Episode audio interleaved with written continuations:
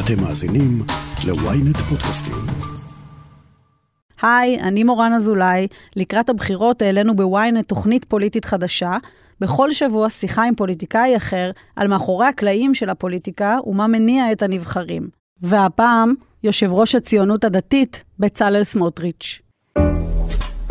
אחת על אחד, עם מורן אזולאי. טוב, אנחנו נפגשים פה ממש רגע לפני החג, ערב ראש השנה. אני רוצה לשאול אותך אם אין לך אה, תוכניות, עיסוקים, בישולים. קודם כל יש, אבל יש לי אישה יקרה מאוד, שמודעת לעומס הגדול ולתפקיד הגדול עכשיו בבחירות, ומשתדלת לשחרר אותי כמה שאפשר. ואני מאוד מקווה, אבל שיהיה חג טוב, משפחתי. אה, ברוך השם הוא ארוך, את יודעת, שבת, ראשון ערב חג, שני, שלישי, יש מספיק זמן. שאלה אם זה טוב שהוא ארוך בבחירות. זה טוב, כן. אנחנו בני אדם, אנחנו צריכים משפחה, אנחנו צריכים זמן לעצמנו, צריכים uh, מנוחה. Uh, אגב, ראש השנה זה זמן להמון התבוננות עומק. Uh, שלי, עם עצמי, ביני לבין עצמי, ביני לבין אלוקיי. בוודאי, תראי, נמצאים חלק גדול מהיום בבית הכנסת, uh, מתפללים, חושבים, מהרהרים. את יודעת, עושים ריסטארט, זה היתרון הגדול ביהדות, שהכל עובד במעגלים. כל יום מתחילים מחדש, כל שבוע, כל חודש, כל שנה, יש אפשרות להתחדש. לזרוק אחורה את כל הכישלונות, את כל הדברים הפחות טובים שאנחנו פחות אוהבים בעצמנו, לקבל על עצמנו לנסות, ללכת לדרך חדשה ולהיות יותר טובים, אה, וזה נותן המון המון המון אה, מוטיבציות. אגב, יש איזה סליחה שהיית רוצה לבקש? אם כבר אנחנו אה, באווירת ההתבוננות, הסליחות, חודש אלול. אה, אני מניח שיש הרבה סליחות שאני צריך. יש הרבה סליחות מהקדוש ברוך הוא, אבל יש הרבה סליחות מאנשים שסביבי, בין אם זה אשתי והילדים שמשלמים מחיר uh, כבד. שוב, אני חושב שהם עושים את זה בשמחה ושלמים עם זה, אבל משלמים על זה מחיר כבד. Uh, לא מעט אנשים בתוך המערכת הפוליטית, שיכול להיות שבעידנא דריתחא פגעתי בהם, ואמרתי מילה שלא הייתי צריך לומר, uh, טון קצת יותר מדי חריף, שאפשר היה לומר דברים בצורה יותר אה, עדינה ורגועה, כולנו בני אדם. יש דמות כזו בפוליטיקה שאמרת את מה שאמרת, הגעת הביתה ואמרת, לא הייתי צריך לעשות את זה, הגזמתי. תראי, זה קורה, זה קורה לא פעם ולא פעמיים. אני חושב שהיתרון הוא שבדרך כלל אנחנו גם יודעים להרים טלפון אחד לשני ולהגיד, וואלה, אחי, הגזמתי קצת היום, הייתי, אמרתי דברים שלא הייתי צריך לומר. וזה הדדי, זה קורה אגב הרבה. גם אתה מקבל כאלה טלפונים. כן, כן, זה קורה, מישהו מוציא אותך מדיון בוועדה, ואחר כך אומר, וואלה, זה לא היה בסדר, ומרים טלפון. אנחנו בני אדם, אנחנו אה, חלוקים בלא מעט סוגיות. יש דוגמה שאתה יכול לתת לי על טלפון אחד שאתה עושה למישהו ואומר לו, סליחה, אחי? מה, משהו שאני התנצלתי בפני... יש, אבל אני לא בטוח שזה פייר כלפי הצד השני. אז אתה לא רוצה להגיד. אני, לא רוצה, אני לא רוצה להיות צריך להרים לו טלפון עוד פעם אחרי השידור הזה ולהתנצל שוב. כדי להתנצל גם על זה, אוקיי. כן. טוב, אז בתוכנית הזאת אנחנו uh, מדברים על חמישה נושאים. אתה בוחר את הסדר, הנה הנושאים שלנו. משפחה, ילדות, פוליטי, התנתקות ויהדות. אתה מתחיל, אתה מחליט. אני מציע להתחיל מהמשפחה, א', כי דיברנו לפני רגע על אה, ראש השנה בכלל, נכנסים לתקופת חגים, שזה משהו מאוד משפחתי וחשוב. אה, אבל כן, אני חושב שבסוף המשפחה היא העוגן והבסיס שמאפשר לנו לעשות הכל. אבל האמת שהמערכת הפוליטית תמיד עמוסה, ואנחנו נמצאים כבר בערך שלוש שנים במציאות כמעט אה, בלתי אפשרית, אז מה החלקים שלך בבית? איך, איפה אתה בא לידי ביטוי שם? לא, יש משבצות קבועות ברמת הסדר, בטכני, אז אם זה ניקיונות של הבית ביום שישי, אם זה כלים במוצאי שבת, כן, זה כמה דברים שרק אני עושה. אה, אבל תראי, אני חושב שאני פחות נוכח כמותית בחיים של, של, של הילדים.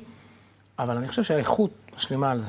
הם, הם שמחים מאוד, שלמים מאוד, גאים מאוד, אני חושב, במה שאני עושה, שותפים מלאים, ולכן אני מעריך ומקווה שאני מטביע בהם חותם ו- ומשפיע על החינוך שלהם. אבל קבעתי לעצמי כלל כשנכנסתי לפוליטיקה, ואני חושב שהוא כלל חיוני. בסוף, בסוף המשפחה קודמת להכל. אז בין אם זה מתניה, שרואים אותו עכשיו עוד טיפה יותר קטן, ממש לידי, אה, מימין, שהתחיל אה, ישיבה תיכונית עם פנימייה, אז אין מצב בעולם. אני הולך איתו לפני ליום היכרות ולגיבוש, ולוקח אותו ביום הראשון, ואני הולך בעשרת ימי תשובה עוד אה, שבועיים לערב הורים, וזה לא משנה כמה עמוס וכמה... אה, ואותו דבר בניה שהתחיל ישיבה גבוהה. בקיצור, זה לפני הכל. יש לך איסורי מצפון לפעמים על זה שאולי היית צריך להיות ברגע כזה ולא הצלחת, או על רגעים שאולי אתה מפספס, כי היית יכול להיות יותר נוכח? יש מחיר. ואני מודע לו, והוא קשה. המחיר הזה נמצא ומלווה אותנו, ואת יודעת מה, פה אני רוצה לומר מילה לא על עצמי, אלא באמת על כל הקולגות שלי, על כל חבריי מימין ומשמאל, שבסוף כולם עובדים קשה, ואני מאוד מקפיד לומר שוב ושוב, שאני משוכנע, גם אלה שנמצאים לחלוטין בצד השני של הפוליטיקה, מהמקום שאני נמצא בו, שמונעים באמת מדאגה עמוקה למדינת ישראל ולעם ישראל, ורוצים בטובתה, וישלמים על זה מחירים כבדים. אני לא בטוח שהציבור תמיד פוגש את זה. אוהבים לחבוט בנו הפוליטיקאים, אוהבים לחשוב שאנשים באים לפוליטיקה בשביל קידום ובשביל אני לא יודע מה, וזה בסדר, מותר לבקר אותנו וצריך להתווכח איתנו, אבל צריך לדעת שאנשים שמקדישים את חייהם בשביל הציבור, mm-hmm. משלמים על זה מחירים. ושוב, אה, עושים את זה בהשלמה ובשמחה, אבל יש לדבר הזה מחיר, והסביבה הקרובה משלמת אותו. אני רוצה לשאול אותך, אה, תכף נדבר... אני לפחות מעריך מאוד את הקולגות שלי, שעושים את מה תכף נדבר על החינוך שאתה קיבלת, אבל אני רוצה לדבר על החינוך שאתה נותן אה, לילדים שלך. עד כמה החינוך, עד כמה אתה הולך איתם אה, רחוק ברצונות שלהם, עד כמה אה, אה, ילד שיקום ויגיד לך, אחד מילדיך, אבא, חינכת אותי יפה, אבל מעכשיו הדרך הזו שלך היא לא הדרך שלי, ואני, אה, אתה יודע מה, אפילו סתם עובר לתל אביב ומצביע מרץ. עד כמה אתה מסוגל להכיל דבר כזה? אז זה קשור לשאלה של החינוך שאני קיבלתי. ואנחנו בלי עין הרע שמונה אחים, וכל אחד הלך באמת לכיוונים אחרים בכלל. ואבא שלי תמיד, ההורים שלי, אבא ואימא, המוטיב שלהם בחינוך היה, אנחנו מאמינים בך, ויש לך את הכוחות שלך ואת היכולות שלך ואת הכישרונות שלך, וקח אותם ותגיע הכי רחוק שאתה יכול. איזה תמונות יפות, אבל... הנה אבא שלך. עברו כבר כמה שנים, כן, נותן שיעור. אבל זה היה המוטיב בחינוך, רק אהבה, רק אה, אה, לשדר אמונה בך, ביכולות שלך, בכוחות שלך. אני לא חושב שאני אה, מגיע ל, לרמות של אבא שלי, הלוואי והייתי יכול לאחוז בשלו גלימתו, הוא באמת איש חינוך מדהים, אותו דבר אימא שלי, ושניהם עסוקים כל חייהם בחינוך. אה, אבל אני משתדל, משתדל ללכת באותה דרך, אני לא, אני לא רוצה לתת... אתה קצת מתרגש שאתה מדבר על ההורים שלך, זה נכון להגיד? כן, כן. אני חושב שההורים שלי זה הדמויות הכי משמעויות בחיים שלי. נדמה לי, אגב, שרוב האנשים זה ככה. אה, הטביעו עליי חותם ענק, ועד היום. אני לא זז בלי אבא שלי. אני בא לפה, אלייך לאולפן, אחרי שבבוקר למדתי איתו חברותא, אנחנו מקפידים על אה, קביעות, לומדים ביחד, וחלק מוקדש ללימוד, וחלק מוקדש לחשיבה ושיח. אבל גם אצלי היום, בילדים, כל אחד עם הכיוון שלו כבר בגיל צעיר, ומשתדלים באמת לאהוב את כולם ולתמוך ולתת לכל אחד את המרחב התפתחות עם הכוחות, עם הכישרונות, עם הרצונות. גם כשזה לא תואם לדרך שלך? אני תמיד אומר לילדים, אל תסתירו שום דבר, אנחנו תמיד נקבל, תמיד נאהב. לא משנה מה. הבית הזה הוא תמיד שלכם, זה בכלל לא על תנאי. אני רוצה לתת לך דוגמה שהיא אה, ככה אה, קיצון, לפחות אה, בעולמות שלך. שאלתי לא מזמן את איתמר בן גביר, שמייחסים לכם הרבה מאוד דברים, שאתם חשוכים, מדירים, הומופובים ומה לא. מה יקרה אם הילד שלו יצא מהארון? נו. הוא אמר, אני אחבק אותו. נו, יש לך, יש לך ואמינה, יש הורה אחד שיעשה אחרת? הורה שאוהב את הילד שלו. מה, יש, יש, יש אופציה אחרת? זאת אומרת, גם זה היה קורה בבית שלך, היית מחבק. מה, מה זה קשור? מה האלטרנטיבה? מה, ואם אני לא אחבק זה יעזור לי? לא, יש אנשים שניתקו את הילדים, יש אנשים שהוציאו את הילדים מהבית. יש משהו שאני כן יכול לתת דוגמה, בסדר, אחי הגדול, זה כבר נחשף ובהסכמה שלו, באמת, אחד החברים הכי טובים שלי, טוביה, גדול ממני, הוריד את הכיפה בצבא לפני עשרים וכמה שנים. ואני זוכר שהיה שלב שהיו לי ויכוחים עם אבא שלי כשהייתי בחור צעיר, הייתי ככה ג'ינג'י וזה, ואבא, ואיך אתה נותן לו וזה, ואבא שלי אמר לי, רק אהבה, רק חום, רק חיבוק. וזה מוכיח את עצמו, זה כל כך נכון, זה כל כך אמיתי. אז היית מחבק אותו. פשוט שכן. טוב, זה, זה לא כזה פשוט, כי יש הרבה משפחות שלא. אז uh, הנה, בוא, בוא נחזור לנושאים. Uh, אמרנו, uh, משפחה עשינו, רוצה לחזור לילדות? כי זה כבר על הרצף. קדימה, אז ילדות. אז אתה אה, גד... נולדת ברמת הגולן, נכון? אביך היה רב. אגב, יש ביניכם שיחות על איך אתה לא יצאת רב? כן, היה שלב ששאלתי את אבא שלי, אני לא זוכר, לפני כמה וכמה שנים, תגיד, אבא, אין לך איזה צביטה בלב ש... שלא יצאתי רב? אז הוא הסתכל עליי ככה בעיניים הבעיות, ואמר לי, תשמע, אם היית רב זה היה ביטול תורה. ואני חושב שיש בזה עומק מאוד גדול שדיברנו עליו קודם. בסוף כל אחד צריך לעשות מה שמתאים לו. יש לי אח אחד שהוא מחנך, ויש לי אחות שהיא אה, מורה, ויש לי אח אחד שעסוק בהנדסת תרופות ועובד באיזושהי חברת הייטק, ועוד אחות בהייטק, ובקיצור, כל אחד אצלנו... כשאותו אח אה, מוריד את הכיפה, זה דבר שגורר, אה, מה, ויכוחים בשולחן שבת, זה... א', זה אירוע גדול, ובטח, כן, בן של רב, ומשפחה של רב, ויישוב דתי. אבל ההורים שלי לקחו את זה כל כך בריא, וכל כך נכון, וכל כך אמיתי, והוא נשאר כל כך קרוב וכל כך שייך עד היום. אתה התביישת? לא היום, אז. לא. לא, שוב, כי, כי השדר שקיבלנו, שבושה לא רלוונטית, אנחנו לא מתביישים באף אחד, כל אחד בורח את דרכו. אני תמיד אמרתי לאחי, שאני אף פעם לא מקבל אותו כמו שהוא, אני מאוד מכבד אותו כמו שהוא. אז הוא אמר לי, אתה צודק, אני גם לא צריך שתקבל אותי, לא צריך את הלגיטימציה ממך. ובסדר, ונשארנו החברים הכי טובים, באמת, ועד היום אה, אחת הדמויות גם הכי קרובות אליי והכי אה, משפיעות ומשמעותיות. ובסדר, יש דברים שאנחנו מסכימים, יש דברים שאנחנו לא מסכימים, וזה נכון, אה, הוא נניח תומך גדול מאוד של לגליזציה, ויש לי אח אחר שעסוק הרבה שנים בהתמכרויות ובטיפול בבני נוער, והוא ממש מתנגד, אז כן, יושבים בשולחן שבת ומתווכחים ודנים כולם מצביעים לך? כן. את יודעת, זו הצבעה חשאית אצלנו. זה אוקיי, אבל אין כן. ויכוחים אידיאולוגיים כן. איתך. לא, לא. בקטעים האלה כמעט ולא. שוב, יכולים לבוא ויכוחים אה, בשולחן שבת על שאלות של דת ומדינה, אה, בסדר, תחבורה ציבורית, כן, לא, דברים שמתווכחים עליהם בחברה הישראלית בכל מקום. אז הוויכוחים האלה נמצאים, לפחות אצלי, בתוך הבית פנימה, אה, בכל מקום. ומקשיבים, ודנים, ומשכנעים, ומשתכנעים, וכמו שצריך. עד כמה כילד היו לך שיגעונות? אה, אני יודע, השאלה אם את מגדירה שיגעונות. תראי, הייתי, עד, עד כיתה ג', הייתי אה, מסוג הילדים של בוקר טוב כיתה, בצלאל צא החוצה.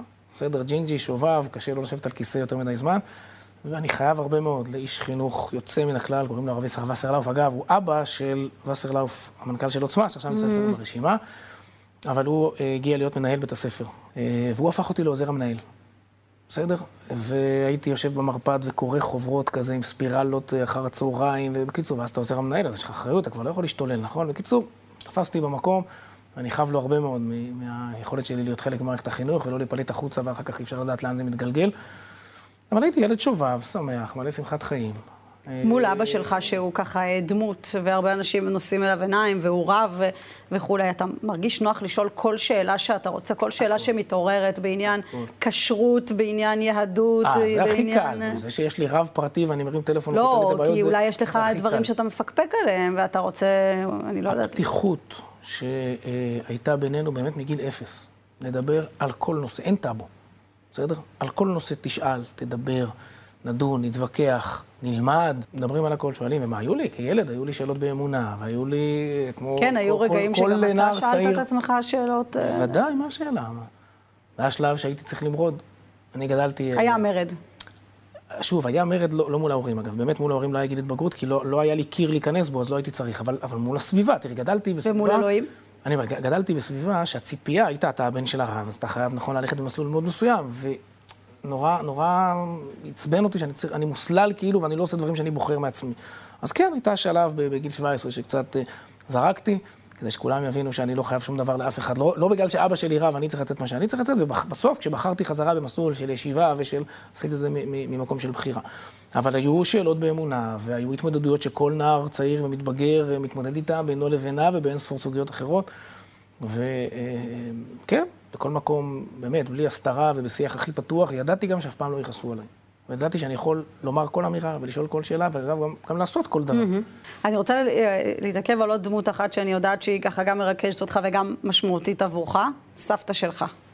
אה, שתיהן, בואו, שני, שני הסבים והסבתות היו באמת... אה, אה, הסבא וסבתא מצד אימא, אה, הרבה מאוד דורות בארץ, ממייסדי מטולה. סבתי זכרונה לברכה נולדה במטולה באיזה פחון 12 אחים. כל ההתיישבות החלוצית בצפון, במטולה, ביסוד המעלה, בכפר עטה, שאחרי זה הפכה לקריית עטה, בתל חי, אה, משפחת אה, פיין אייזנברג, באמת משפחות מאוד מאוד שורשיות.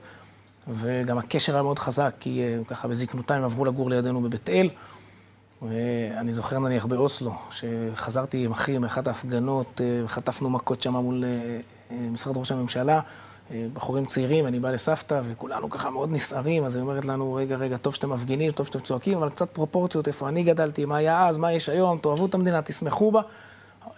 אגב, סבא, כן, בעלה היה מנהל בית ספר, גם כן איש חינוך מאוד גדול.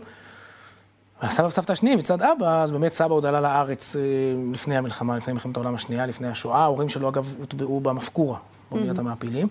אבל סבתא עברה את כל, כל מאורות השואה.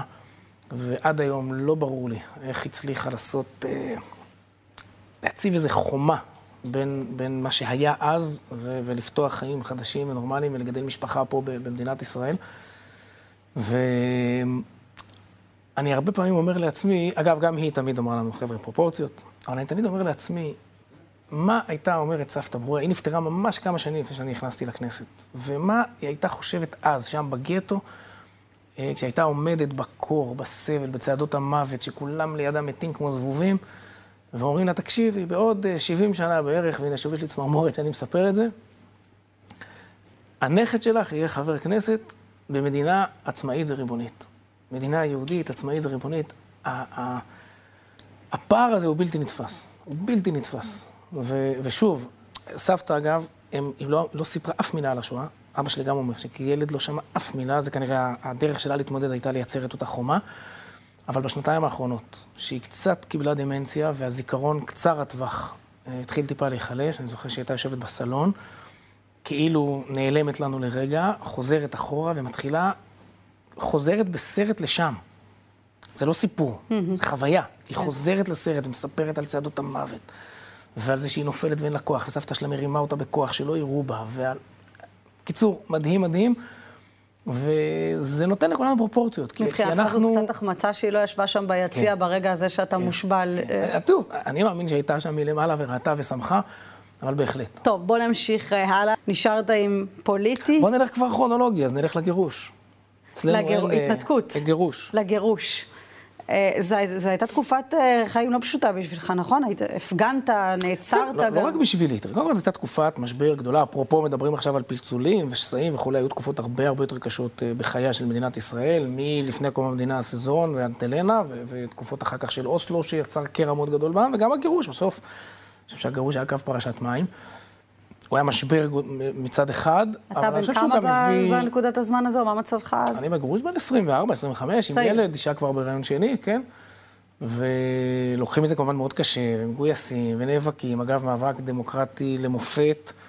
אמ, אולי פחות מדי, כן? הרבה פחות ממה שעושות הרבה קבוצות אחרות באוכלוסייה. שמת כבישים אז ונעצרת, נכון? כן, נעצרתי בחסד לשותפות בארגון של חסימות כבישים, משהו שהיום כל קבוצת אוכלוסייה שרוצה למחות על מה שהוא עושים, ופה אריק שרון כחלק מהדמוניזציה שהוא ניסה לעשות אה, מתנדבי ההתנתקות, הפעיל את השב"כ פנימה, עצר אותנו במעצר שב"כ באגף 7, כאלה שקמה באשקלון עם עשרות מחבלים אה, ערבים שיושבים שם איתנו.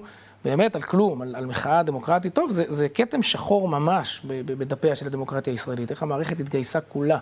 כל מערכת המשפט, אני מזכיר לך, מעצרים של קטינים וקטינות עד תום ההליכים, ומעצרים סיטונאיים בלי להביא בכלל בפני שופט. המערכת, אני מציע לכולם לקרוא את הספר של, של עורך דין בועז סנג'רו על, על, על העיוורון, ליקוי המאורות של המערכת, שאגב, כולם תולים בה את יהבה, נכון? מדברים על מערכת המשפט כעוגן של הגנה על זכויות אדם, וראינו איך היא השתתפה במופע של רמיסת זכויות אדם טוטאלי, באמת, הגירוש עצמו הוא ודאי רמיסה של זכויות אדם, ובית המשפט לא מצא לנכון לתת בו סעדים, אבל בכלל, המערכת כולה יצרה דמוניזציה דיכאה את חופש המחאה ואת חופש הביטוי שלנו היום זה לא היה קורה כנראה. בדמוקרטיה.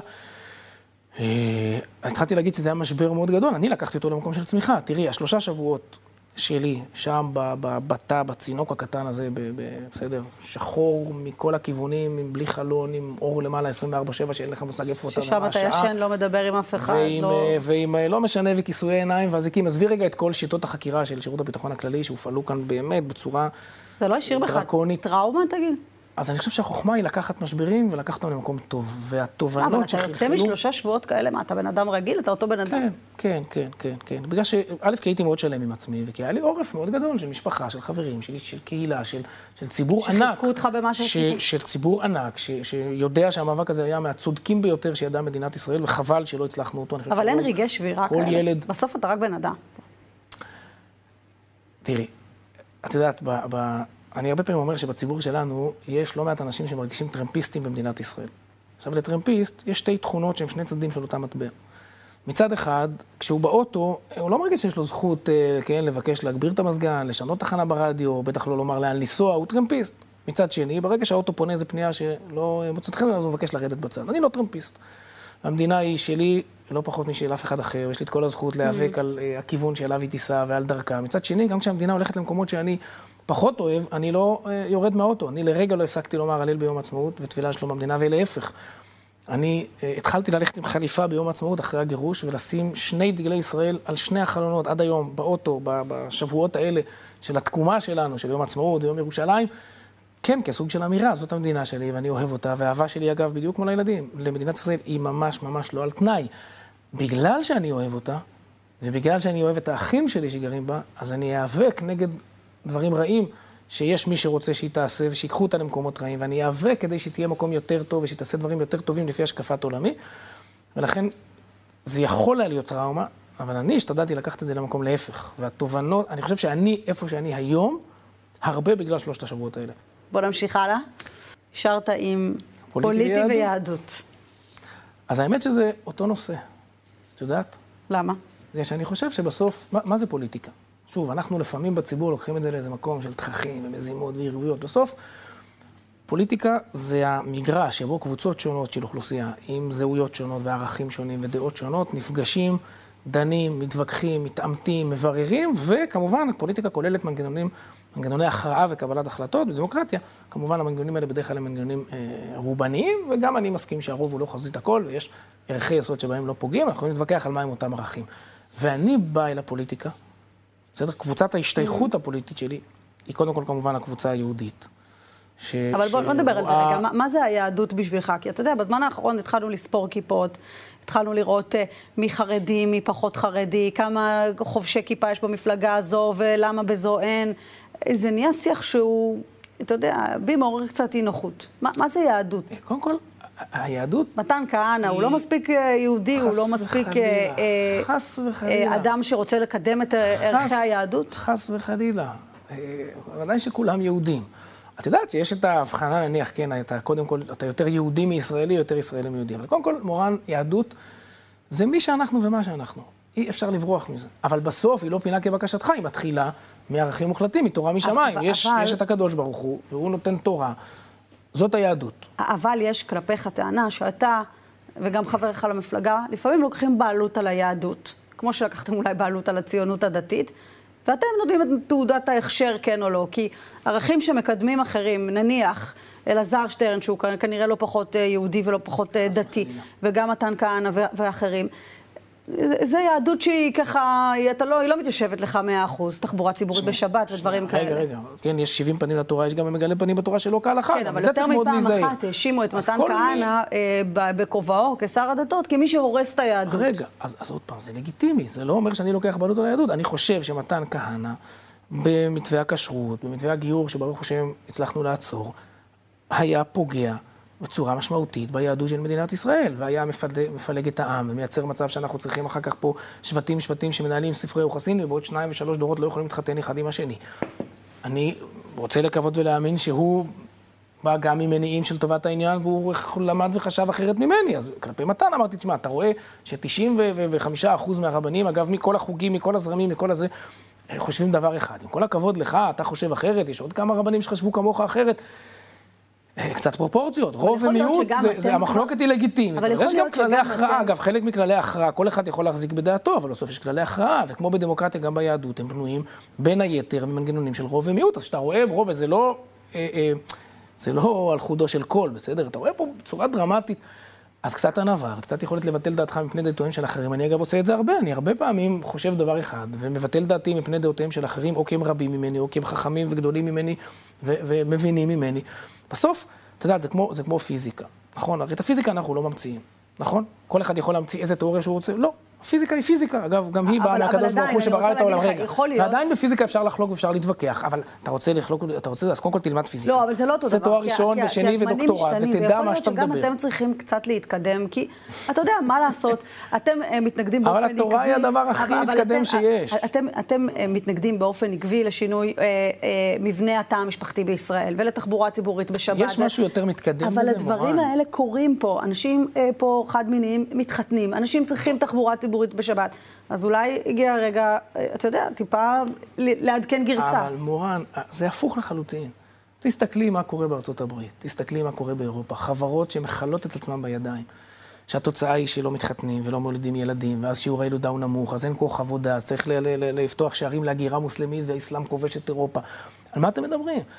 היהדות, עם הערכים שלה, כן, עם המשפחה שלה, עם התורה שלה, בסוף מייצרת, תסתכלי בכל מדדי העושר. הציבור הדתי מוביל בכל מדדי העושר. עכשיו, הוא כן, לכאורה יותר עני, אתה יכול להגיד לבחור תל אביבי שרוצה להתחתן עם בן זוגו או לנסוע בשבת, אה, שזה מדד העושר של הדתי. א', אני לא אומר לאף אחד מה לעשות ברמה האישית שלו אצלו בבית. יש לנו כן בסוף מדינה, והיא מדינה של כולנו, וכולנו מנסים להגיע להסכמות על איך היא תיראה. אז אני אומר, בואו נדון על מה הערכים שעליהם אנחנו רוצים להשתית את מדינת ישראל. זה לא בדיוק דיון, זה סוג של כפייה. לא, ממש לא, זה דיון. אגב, את הסטטוס קוו עשה בן גוריון, לא עשה בצלאל סמוטריץ'. אגב, אם יש כפייה, יש הרבה יותר כפייה בצד השני. תראי, מדינת ישראל, בניגוד למה שאולי יש מי שבסדר, אה, מנסה להפחיד וכולי, היא, היא הרבה יותר חילונית מאשר דתית, ואנחנו כציבור דתי משלמים הרבה יותר מחירים על הביחד הזה. דוגמה, בסדר? החליט מי שהחליט. שאנחנו רוצים לחיות בחברה שוויונית, ושכל הפרדה מגדרית היא הדרת נשים. אז כופים על הציבור הדתי, כופים עליי, אגב, בעיניי לא מוצדק, אני, אני משלם מיסים, אני רוצה לנהוג תקציבי התרבות, אני רוצה הופעה של מוטי שטיינמץ בעפולה, שגברים יושבים בצד אחד ונשים בצד אחר. דינה זילבר לא אפשרה את זה. הכפייה נמצאת הרבה יותר בצד השני. אז אני חושב שהשבת היא ערך יסוד ביהדות, גם דתית וגם סוציאלית. ואני רוצה שהמדינה... למה זה בעיה שאתה ואני נשב אה, אחד ליד השני בהופעה. אה, לא יודעת איפה? את מוכנה לכבד את אמונתי? כי, בהלכה היהודית לא יושבים בהופעה ושומעים שירים בנפרד. לי למשל אסור לשמוע שירת נשים. אני לא אומר לך מה לעשות. אז לא אתה לא שומע לא שירת לא נשים? לא, אני לא אומר לנשים... אה, לא להופיע, ואני לא אומר לאנשים לא ללכת להופעה. אני, תכבדי בבקשה את אמונתי, אני מכבד את אמונתך, תכבדי את אמונתי. קחי את השבת, יום אחד, לעצור רגע את מרוץ החיים, את המרדף אחרי הכסף מסכימה איתך מאה אחוז, אני רק חושבת שמי שרוצה ללכת לים בצהריים, או אחרי צהריים, ואז לעשות לא קידוש בערב, אומר לו לא ללכת לים? מישהו אמר למישהו לא ללכת לים? אתה מונע ממנו תחבורה ציבורית, לא לכולם יש רכב. שנייה, אני מונע תחבורה ציבורית, כי בסוף תחבורה ציבורית זה משהו ציבורי, וזה הפרסה של מדינת ישראל. אני, את יודעת מה? את, לא, אבל הוא לא מפריע לך אם הוא ייסע בתל אביב או בפתח תקווה, ואתה... מדינת ישראל אה, מונעת ממני, בסדר? מונעת ממני ללכת לרוב חופי הרחצה במדינת ישראל. כי אני לא מתרחץ במעורב, ויש אה, שניים וחצי חופים נפרדים. אז מה, אז אני הולך, קורא כפייה חילונית? אני מבין שיש כאלה בחברה הישראלית, ויש כאלה, וצריך למצוא את האיזונים, אז יש חוף okay. אוקיי. נפרד ויש חוף מעורב. אני לא חושב שיש כפייה במדינת ישראל, אני חושב שיש כן פשרות, ששני הצדדים צריכים לעשות כדי להישאר חברה אחת. את יודעת מה? אפרופו תחבורה, ואת אומרת, מה מפריע לך במקום אחר? את היית מוכנה שבבני ברק או בבית שמש יהיו מדרכות נפרדות לנשים ולגברים? מה אכפת לך? הם בבני ברק יעשו מה שהם רוצים. לא. החלטנו כחברה שאנחנו רוצים לחיות בשוויון, והחלטנו בחברה שיש דברים שאנחנו מוכנים לקבל. ואגב, אפשר להתווכח על זה, כמו שאפשר להתווכח על תחבורה ציבורית, על כל דבר אפשר להתווכח. אבל יש דברים שאנחנו אומרים, יש דברים שכל אחד עושה לעצמו, ויש דברים שאנחנו אומרים, סליחה, אנחנו עם אחד, מדינה אחת, נסכים okay. אוקיי. על עולם ערכים שהוא כולל גם פשרות, וכולנו נכבד אותו. נשארתי רק עם הפוליטי. אז אה, טוב, הרבה מאוד התייחסת אה, לעניינים פוליטיים בתקופה האחרונה, אנחנו בכל זאת אה, בימי בחירות. בוא נדבר על איתמר בן גביר רגע. האיש הפך להיות פופולרי, אין לי מושג איך, בבחירות האחרונות, הקודמות, עוד... נורא פשוט. אף אחד עוד לא ידע אם רוצים בכלל לחבור איתו, אפילו לדעתי אתה לא רצית אותו. נורא, נורא פשוט, מורן. ותדעי לך שלכן זה משמח אותי מאוד. האהדה הגדולה, שאני מקווה שתתורגם גם להצבעה בקלפי, של יותר ויותר חלקים בציבור הישראלי לאיתמר, משקפת תהליך של התפכחות. עם חפץ חיים, שחוזר לארץ, מרגיש בעל בית, מבין שאם יש פה אויב שמבקש אה, להילחם בי ולהשמיד אותי ולא מקבל את קיומי, אז צריך להתייחס אליו כמו אל אויב, ולהפסיק עם כל הקשקושים שמסביב. אגב, ככה היינו בעשורים הראשונים להקמת המדינה. מה, נלך לפעולות התגמול? היה ברור שאנחנו מדינה יהודית, יש פה אויב שלא רוצה okay. אוקיי. אותנו, ועם אויב לא משחקים, ולא מתפלספים במוסר מעוות, ולא מסכנים. רק לאחרונה, כן, התפרסם הסרטון הזה של יאיר לפיד, של דילמה, אני לא יודע מה לעשות, גן ילדים, אני אסכן את החיילים שלי. אין דילמה, כי חיי החיילים שלי קודמים. ברור. הכבוד הלאומי והגאווה הלאומית שנרמסו עד דק בשנה האחרונה. הציבור הישראלי מבין שזה לא נורמלי, וחוזר תגיד... חזרה לאינסטינקטים הבריאים הטבעיים, ואיתמר מזוהה עם זה, ולכן הוא אהוד מאוד, וזה נפלא בעיניי. יש חברים אישיים קרובים בפוליטיקה? כן. בוודאי. מי? את שואלת שלי? כן. בתוך המפלגה שלי יש לי הרבה, אבל למשל מיכל רוזין, אני לא רוצה להרוס אותה, עכשיו אחרי הפריימר זה כבר אפשר. אנחנו ממש חברים קרובים. אנחנו אגב, ב-90% מהדברים, כנראה נחשוב 180 מעלות אחד מהשני. אגב, יש לנו גם לא מעט שיתופי פעולה. עכשיו המון אנשים יושבים בבית, תופסים את הראש. בצלאל סמוטריץ' ומיכל רוזין, מה הקשר בין שני אלה? אנחנו ממש חברים. את יודעת אגב למה זה? זה מדהים בשתי הקצוות.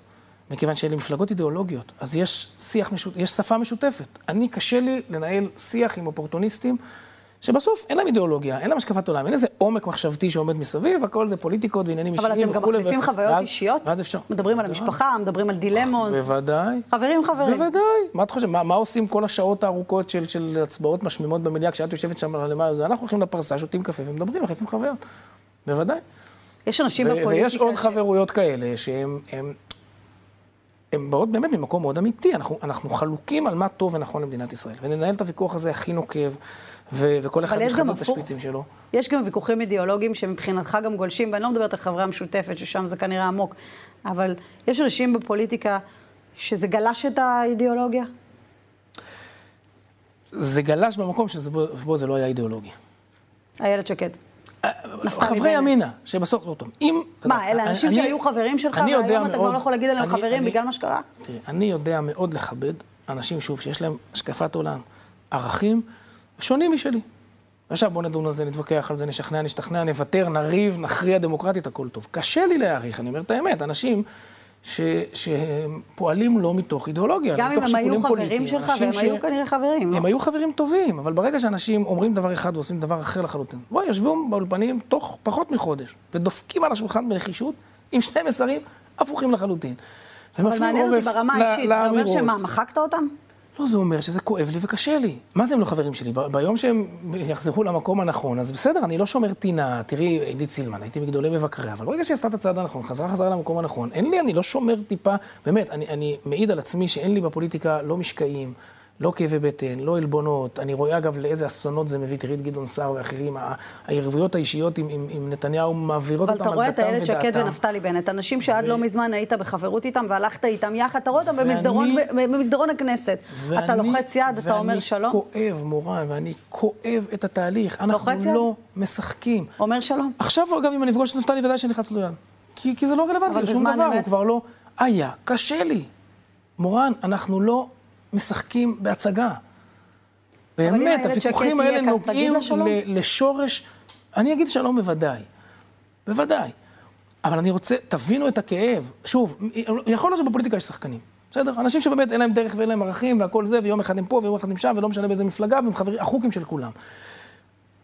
אנחנו מתווכחים היום על סוגיות ליבה שנוגעות לשורשים הכי חשופים של החברה הישראלית. בסדר, מה זה קשור לחברות ו- ולהגיד ו- שלום רגע, רגע, רגע, לא. אז, אז כשמישהו מפנה עורף, שוב, מישהו ש, ש, שחשבנו שהוא איתנו, שהבטיח שהוא איתנו, שאמר דברים ברורים, שעושה את ההפך הגמור, שעושה את כל מה שאני יודע שהוא מאמין שמסוכן למדינת ישראל. הרי איך יכול להיות שנפתלי בנט עמד חודש לפני, ואיילת שקד ומתן כהנא, ואמרו, רע"מ זה מסוכן, ועבאס הוא מסוכן, והוא תומך טרור, והוא לא ציוני, ואסור לשעבד את מדינת ישראל לאויבים שלה. ושנייה אחת אחר כך האינטרס הפוליטי, אז אתם עושים את מה שאני יודע. אז אתה כועס וזה הייתם... הופך לאישי. מה זה, אני מאוכזב, אני כואב, אני לא כועס. אני לא כועס. אני כואב מאוד.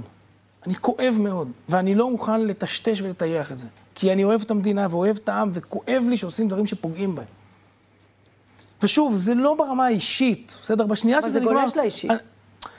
לא, האישי אומר שאם כואב לי, אם מישהו פגע בי, מה זה פגע בי? הוא פגע בעם ישראל, הוא פגע במדינת ישראל, האנשים שבשבילם אני מקריב את החיים שלי ואת המשפחה שלי, ושדיברנו קודם על המחירים, אתה הולך ופוגע בהם ומזיק להם, ואתה עושה את זה ביודעין. אתה עושה את זה כי, למה? כי, כי עליי אתה לא יכול לעבוד. כי אני התווכחתי על זה עם נפתלי, ועל הרקע הזה נפרדתי ממנו ורצנו בנפרד. ואני יודע מה הוא חושב, אני יודע מה הוא מאמין, ואני יודעת מה, אני יודע שהוא לא מאמין לאף מילה שהוא אמר. מה הייתה השיחה הכי קשה שלך איתו? לפני שנפרדנו. תראי, לשבחו ייאמר שהוא לא, לא שיקר לי. ולפני הבחירות הקודמות, היו לנו ארבע פגישות מאוד ארוכות, שתיים בארבע עיניים, שתיים בשמונה עיניים. שמה הוא אומר? והתווכחנו על זה. לא שהוא אמר, אני הולך להיות ראש ממשלה, אני מבין שאת הדבר הזה אני לא עושה דרך אה, הימין, ולכן אני צריך ללכת אה, עם יאיר לפיד. הוא אומר לך את זה מפורשות. הוא אומר מפורשות, ואני מתווכח איתו בכלל על המושג הזה של פירוק המחנה הלאומי, ועל ההשלכות של לקחת את הציונות הדתית ולפרק אותה מבסיס התמיכה האלקטורלי שלה, כן, מהשותפים הטבעיים שלה. ואנחנו מדברים על רע"מ. והוא אומר לי, אה, אה, ואחרי שאני מודיע שאני רץ ונפרד, הילד אומרת לי, מה, אה? אנחנו יושבים, אני אפילו זוכר כאילו זה היה אתמול, על הטיילת בנתניה, היינו בסיור בלניאדו, ואחר כך היא ואני ישבנו על הטיילת בנתניה, על חוף הים, והיא אומרת לי, בצלאל, למה אתה לא... אמרתי לה, הילד, נפתלי לא מוכן להתחייב שהוא לא הולך עם התומכי טרור. אז היא אומרת לי, אז מה, גם ביבי. אמרתי לה, הילד, אבל אנחנו פה לא בשביל ביבי, אנחנו פה כי אנחנו יותר טובים מביבי. בסדר, ואנחנו נפרדים. וכל הבחירות, אני יודע שהם משקרים. כי הם אמרו לי בצורה חד משמעית שהם הולכים עם השמאל, והם הולכים עם עבאס. וכל מערכת הבחירות הם אומרים, נשבעים בכל היקר להם שהם לא יעשו את זה, ואני אומר, דחילק, חבר'ה, איך אתם יכולים ככה לשקר? ואני אה, לא מספר מה יש בפגישות פרטיות, כי זה אני ואני שחקן חוזר, אז אני לא יכול כל הבחירות להגיד, חברים, אני... אבל אני מנסה להסביר את זה לציבור, והם משקרים עוד פעם ועוד פעם ועוד פעם, והם מקבלים קולות, ואז אחר כך, כשהם עוד עושים את זה, הם, הם עדיין אומרים שהם לא תכננו, וזה לא במכוון, ורק למנוע בחירות חמישים, ממשיכים לשקר במצח נחושה, זורקים את זה עוד עליי, אני אשם, כי אני התנגדתי, עד היום איילת שקד אומר, כן, אני אשם, כיוון שאני התנגדתי. להקים את הממשלה הזאת עם, עם תומכי הטרור ברע"מ, אני כמובן גאה בזה, ומבחינתי זו זכות מאוד גדולה, ושמח על הזכות שהייתה לי למנוע מהמחנה הלאומי ומדינת ישראל את, את החרפה ואת האיוולת ואת הנזק ארוך הטווח, וכמעט הבלתי הפיך הזה. ואני יודע שאתם משקרים במצח נחושה לציבור, ואתם לוקחים קולות מהימין ומעבירים את זה לשמאל, כי לנפתלי בנט יש מאוויים אישיים להיות ראש ממשלה בכל מחיר. זה כואב, מורן. אז אפשר לתקן את היחסים האלה לדעתך יום אחד, או שזה השבר גדול מדי? לכן אמרתי, נניח, מבחינתי נפתלי עכשיו, אין לי שום בעיה אישית איתו.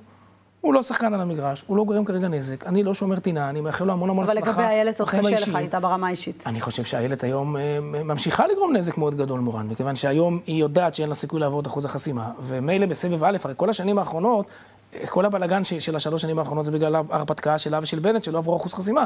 אז עוד לפחות אפשר היה לדון אותה לקו זכות, הם לא ידעו, היו סקרים מחמיאים, אף אחד לא חשב שזה יסתיים ככה.